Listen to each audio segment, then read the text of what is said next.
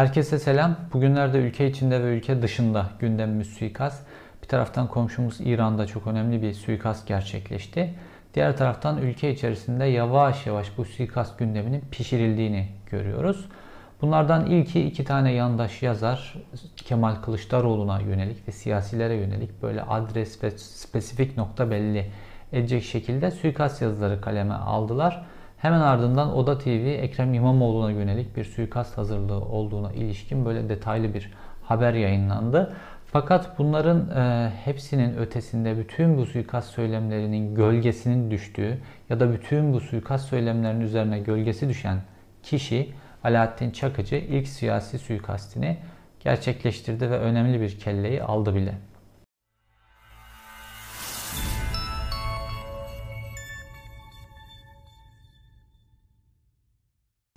Alaaddin Çakıcı'nın o Mehmet Ağarlarla, Korkut Ekenlerle, Engin Alanlarla verdiği pozdan sonra Türkiye böyle bir sessizlik çökmüştü Alaaddin Çakıcı ile ilgili. Çünkü devletin Alaaddin Çakıcı'nın arkasına bütün kurumlarıyla geçtiğine ilişkin bir algı vardı. Bu algıyı yırtan şey Kemal Kılıçdaroğlu ve Canan Kaftancıoğlu'nun peş peşe Alaaddin Çakıcı'ya yönelik işte mafya bozuntusu, beş paralık adam gibi söylemleri oldu. İşte bu noktada Alaaddin Çakıcı böyle çok sert biçimde devreye girdi ve Kemal Kılıçdaroğlu'nu tehdit eden, seni fasulye çubuğuyla tanıştırırım şeklinde tehditler içeren ve dürzü diye bir kelime kullanan bir mektup yayınladı. Ve bu mektuba Devlet Bahçeli sahip çıktı. Şimdi Devlet Bahçeli sahip çıkınca bu Alaaddin Çakıcı'nın mektubu olmaktan çıkıp MHP'nin bütünüyle bir mektubu durumuna geldi. Fakat sonra farklı gelişmeler oldu ve devletin Alaaddin Çakıcı'nın arkasında olduğuna ilişkin çok önemli bir sinyaldi bu. Hakim Ekelik isimli bir yurttaş Alaaddin Çakıcı'nın Kemal Kılıçdaroğlu'na kullandığı üslubun aynısını kullanarak Alaaddin Çakıcı'ya cevap verdi. Çakıcı Kemal Kılıçdaroğlu'na dürzü demişti. Bu vatandaş ise Alaaddin Çakıcı'ya yavşak kelimesini kullanarak aynı biçimde meydan okudu. Fakat sonra ne oldu? Devletin duruşunu burada gördük biz. Kemal Kılıçdaroğlu Alaaddin Çakıcı hakkında suç duyurusunda bulunmasına rağmen ki içerisinde tehdit de var bu mektubun. Alaaddin Çakıcı hakkında hiçbir şey yapılmadı. Fakat bu vatandaş önce hakkında yakalama kararı çıkartıldı, sonra gözaltına alındı, tutuklandı ve hapse gönderildi. Şimdi devlet burada bir bütün olarak Alaaddin Çakıcı'nın yanında olduğunu bu yargı kararıyla, bu emsal kararla göstermiş oldu. Ki e, bu vatandaşı tutuklayan hakimin avukatlıktan hakimliğe geçen ve çok kısa süre önce AKP'nin yaptığı bu yasayla avukatlıktan hakimliğe geçen bir kişi olduğunu biliyoruz. Şimdi nasıl e, Alaaddin Çakıcı'nın mektubu MHP'nin mektubuna dönüştü ve bunun arkasındaki motivasyon neydi? Şimdi buraya bir bakalım.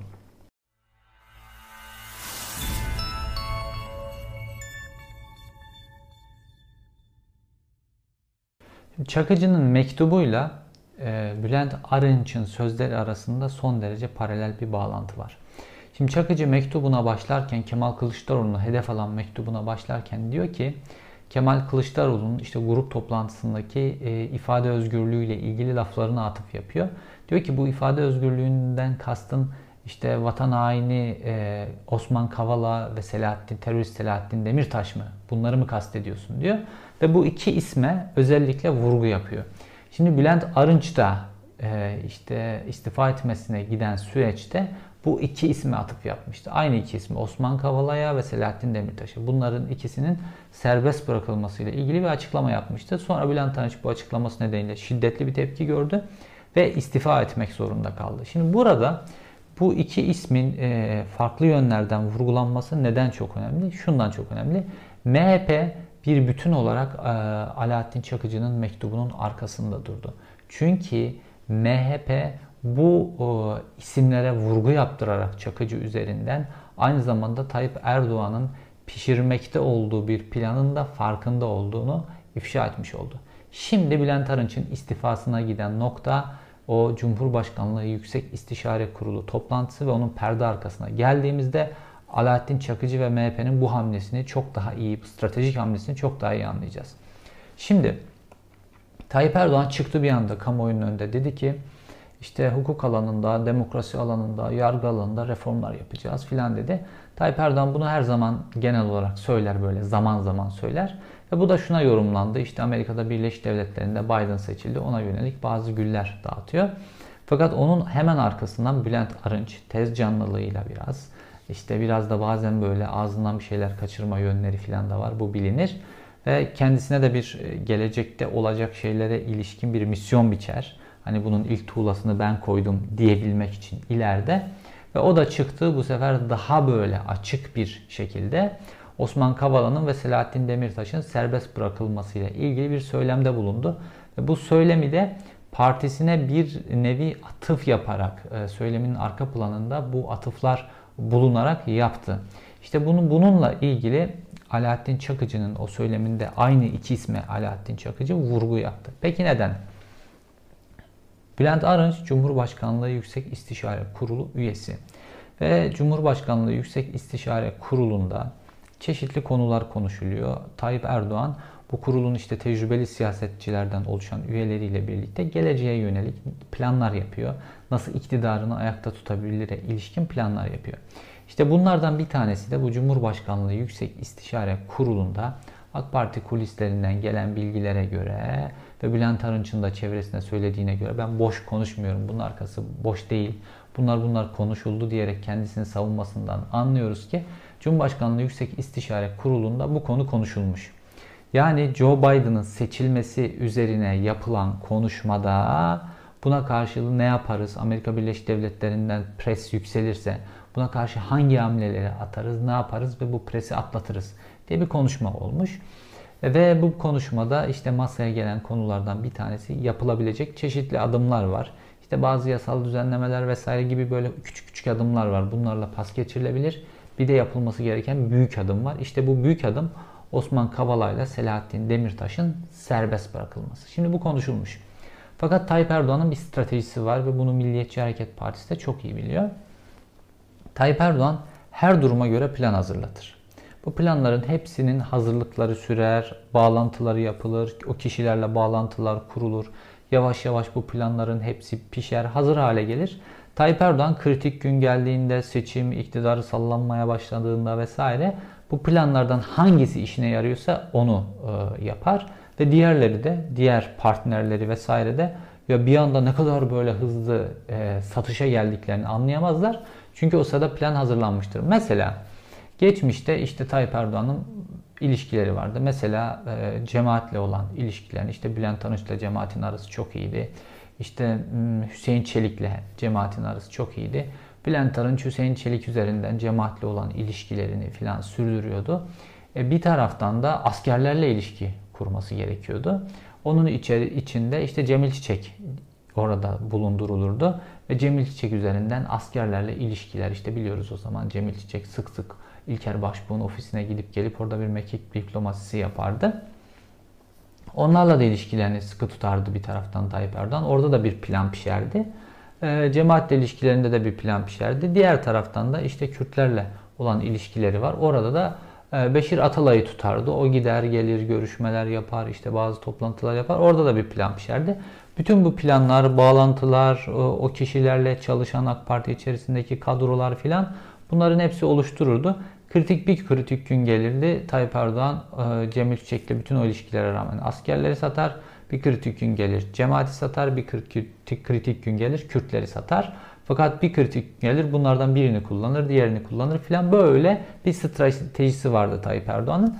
Fakat 7 Haziran sürecinden sonra Tayyip Erdoğan bu stratejik gücünü önemli ölçüde kaybetti ve uzun vadeli de işine geldiği için çok uzun süre bağlantılarını sadece MHP'ye e, mahkum olarak sürdürdü ve gün geçtikçe de daha mahkum hale geldi. Şimdi Tayyip Erdoğan o yeni esnek, o hamle gücünü, plan kurabilme gücünü oluşturmak istiyor ve Cumhurbaşkanlığı Yüksek İstişare Kurulu'ndaki işte bu tecrübeli kurt politikalarcılar üzerinden de bunu realize etmeye çalışıyor.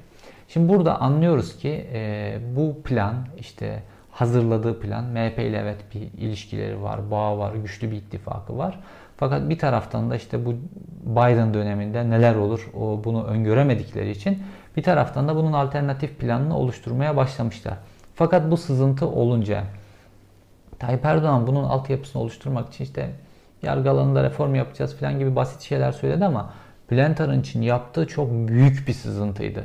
Şimdi bu sızıntı olunca anlıyoruz ki Milliyetçi Hareket Partisi'nden çok şiddetli bir tepki geldi. Milliyetçi Hareket Partisi bir alternatifinin oluşturulmasına şiddetle karşı, bir alternatif oluşturmayla ilgili kanallar oluşturulmasına da şiddetle karşı.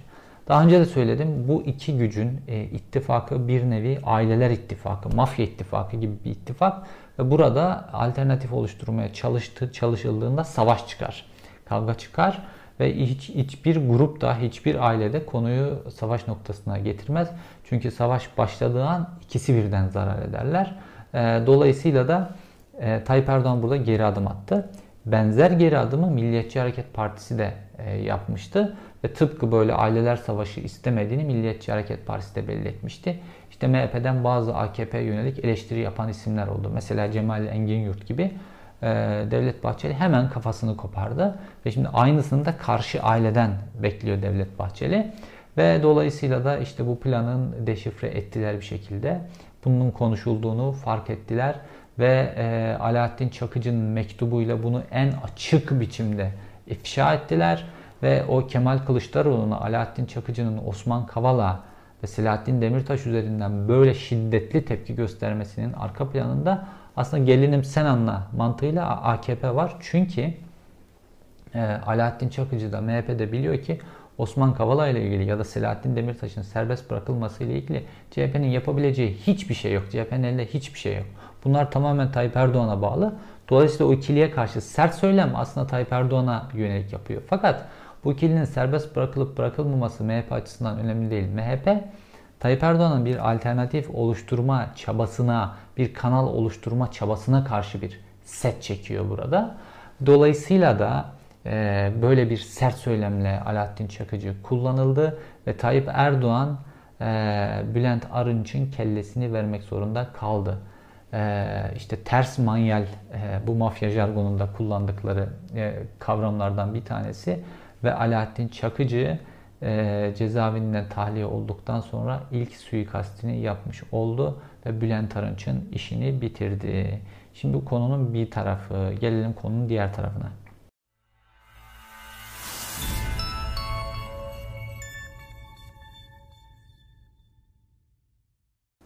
Şimdi bu suikast meseleleri e, Çakıcı bu kadar siyasetin içerisinde olunca konuşulması normal. Şimdi önce e, Fuat Bol e, isimli Hürriyet Gazetesi'ndeki bir yazar ki eski AKP milletvekili ve Hürriyet Gazetesi'nde bir buçuk yıl önce falan yazar yapıldı. Ve bu bir e, siyasi suikastler olabileceğine ilişkin bir yazı yazdı ve bununla ilgili hazırlıkların yapılması gerektiğini söyledi açık açık.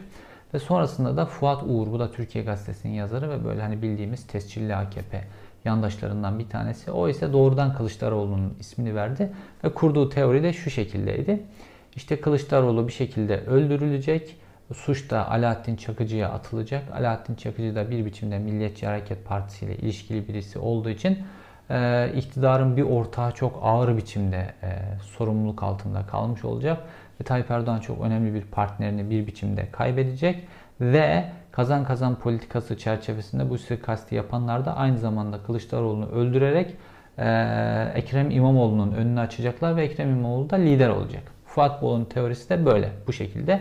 Fakat işte Çakıcı'nın başına bu tuzak kurulmak istiyor diye böyle Çakıcı'yı da sanki hiç cinayet işlememiş gibi böyle meşrulaştıran bir söylem var. Şimdi daha yeni ortaya çıktı. Böyle ülkeler aileler tarafından yönetilince işte Amerika Birleşik Devletleri bir aileden kurtuluyor şimdi Trump yönetiminden.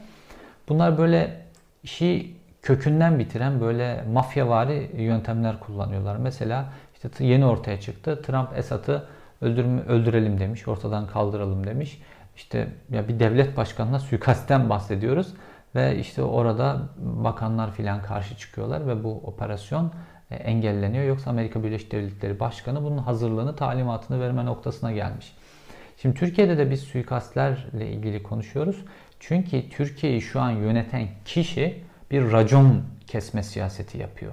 İşte muhaliflerine racon kesiyor, sivil toplum kuruluşlarına racon kesiyor, farklı ülkelere racon kesiyor, komşularına racon kesiyor. Sürekli bir racon kesen bir tavır var. Ve dolayısıyla ülke böyle bir mafya grubu tarafından, bir aile tarafından yönetiliyor.